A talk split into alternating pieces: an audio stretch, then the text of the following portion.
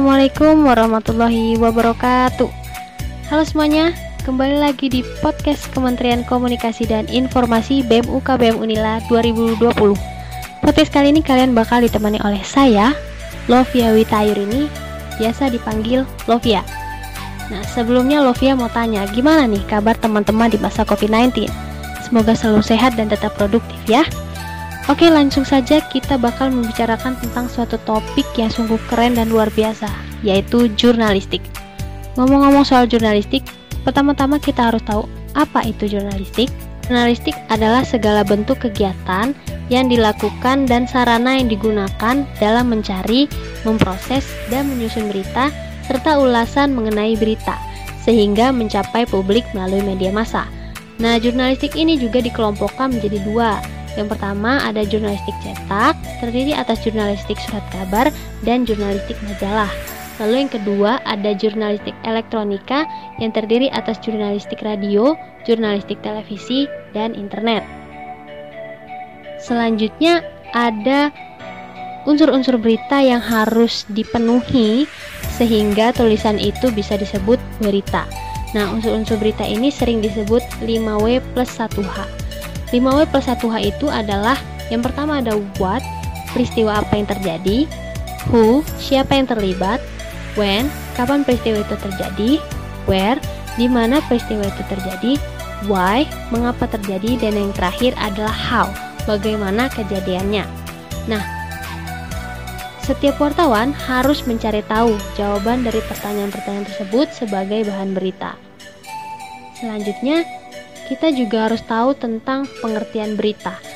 Nah, pengertian berita menurut Jafar H. Asegaf, berita adalah laporan tentang fakta atau ide yang terbaru dipilih oleh staf redaksi suatu harian untuk disiarkan dan dapat menarik perhatian pembaca. Nah, menurut JB Wahyudi, berita adalah laporan tentang peristiwa atau pendapat yang memiliki nilai penting, menarik bagi sebagian halayak, masih baru, dan dipublikasikan melalui media massa periodik. Setelah mempelajari tentang jurnalistik, Lovia punya tips menulis untuk teman-teman yang ingin menulis berita. Yang pertama, berita yang teman-teman tulis harus orisinil, sehingga tidak dicap sebagai plagiat. Yang kedua, bahasa yang digunakan harus mudah dipahami. Gunakanlah bahasa yang sesuai dengan kalangan tertentu dan hindari kata-kata yang typo. Yang ketiga, headline yang menarik. Berita yang teman-teman tulis haruslah yang terbaru agar menarik untuk dibaca. Yang keempat, scannable. Berita yang teman-teman tulis harus memberikan kesan yang baik dan membantu pembaca untuk menemukan informasi dengan cepat. Yang kelima, berita yang teman-teman tulis dapat ditambahkan dengan gambar atau video yang sesuai sehingga menjadi nilai tambah dalam mendukung berita yang teman-teman tulis. Selanjutnya, yang bakalan dibahas adalah tahap pencarian berita di mana ada empat tahap. Yang pertama, wartawan mengumpulkan fakta dari mana saja. Fakta bisa diperoleh dari kejadian yang terlihat, terdengar, terbaca, informasi dari pihak lain, data-data, atau angka-angka statistik. Lalu yang kedua, wartawan menganalisa fakta-fakta tersebut dan kemudian melakukan cross-check sehingga data, fakta, dan informasi yang diperoleh dapat dipertanggungjawabkan kebenarannya. Lalu yang ketiga, wartawan melakukan konfirmasi kepada pihak-pihak yang kompeten terhadap fakta yang diperoleh. Bisa seorang pejabat, saksi mata, aparat, pakar, maupun pengamat.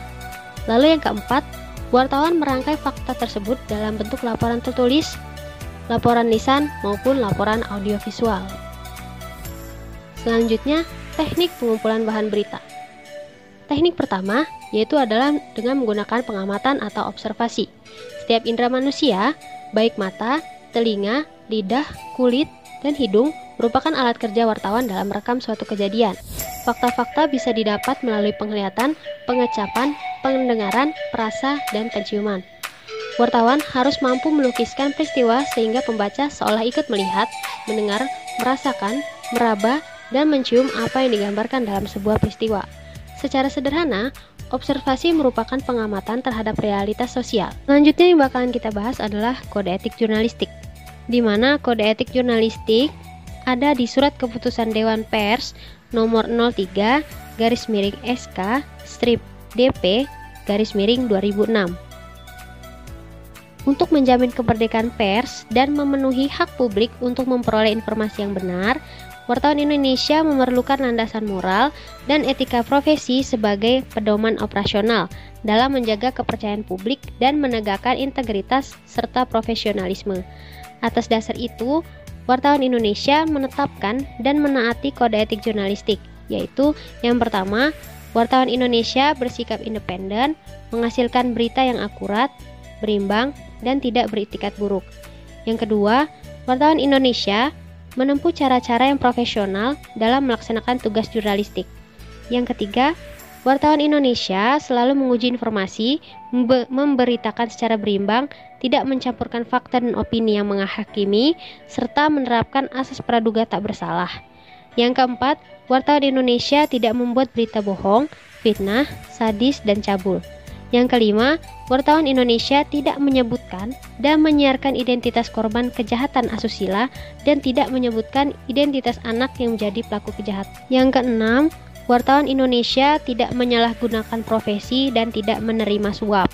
Yang ketujuh, wartawan Indonesia memiliki hak tolak untuk melindungi narasumber yang tidak bersedia diketahui identitas maupun keberadaannya menghargai ketentuan embargo, informasi latar belakang, dan off the record sesuai dengan kesepakatan. Yang ke-8, wartawan Indonesia tidak menulis atau menyiarkan berita berdasarkan prasangka atau diskriminasi terhadap seseorang atas dasar perbedaan suku, ras, warna kulit, agama, jenis kelamin, dan bahasa, serta tidak merendahkan martabat orang lemah, miskin, sakit, cacat jiwa, atau cacat jasmani. Yang kesembilan, wartawan Indonesia menghormati hak narasumber tentang kehidupan pribadinya, kecuali untuk kepentingan publik. Yang kesepuluh, wartawan Indonesia segera mencabut, meralat, dan memperbaiki berita yang keliru dan tidak akurat disertai dengan permintaan maaf kepada pembaca, pendengar, dan atau pemirsa. Yang terakhir, Wartawan Indonesia melayani hak jawab dan hak koreksi secara proporsional. Jadi, ada dua jenis observasi.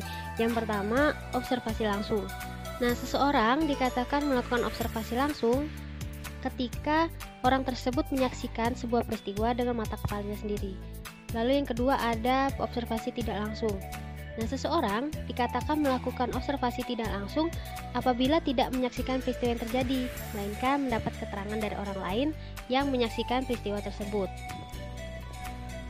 Menurut para ahli, ada enam jenis wawancara, yaitu yang pertama, man in the street interview. Jadi wawancara ini dilakukan untuk mengumpulkan pendapat beberapa orang awam mengenai sebuah peristiwa. Yang kedua, casual interview. Casual interview merupakan sebuah wawancara mendadak. Dalam hal ini, seorang wartawan meminta kesediaan seorang narasumber untuk diwawancarai. Yang ketiga, personal interview merupakan wawancara untuk mengenal pribadi seseorang yang memiliki nilai berita. Yang keempat, telepon interview merupakan wawancara yang dilakukan lewat telepon. Biasanya dilakukan wartawan kepada narasumber yang sudah dikenal dan untuk melengkapi sebuah berita yang ditulis. 5. Question interview. Question interview merupakan wawancara tertulis. Yang keenam, group interview. Wawancara yang dilakukan terhadap beberapa orang sekaligus untuk membahas satu persoalan atau implikasi suatu kebijaksanaan pemerintah. Itulah beberapa hal yang bisa Lovia sampaikan tentang jurnalistik. Semoga podcast kali ini bisa menambah wawasan dan menjadikan teman-teman semua sebagai jurnalis yang luar biasa di masa depan. Sekian podcast dari Kementerian Komunikasi dan Informasi BEM UKB Unila 2020. Mohon maaf apabila ada kesalahan. Sofia pamit undur diri. Wassalamualaikum warahmatullahi wabarakatuh.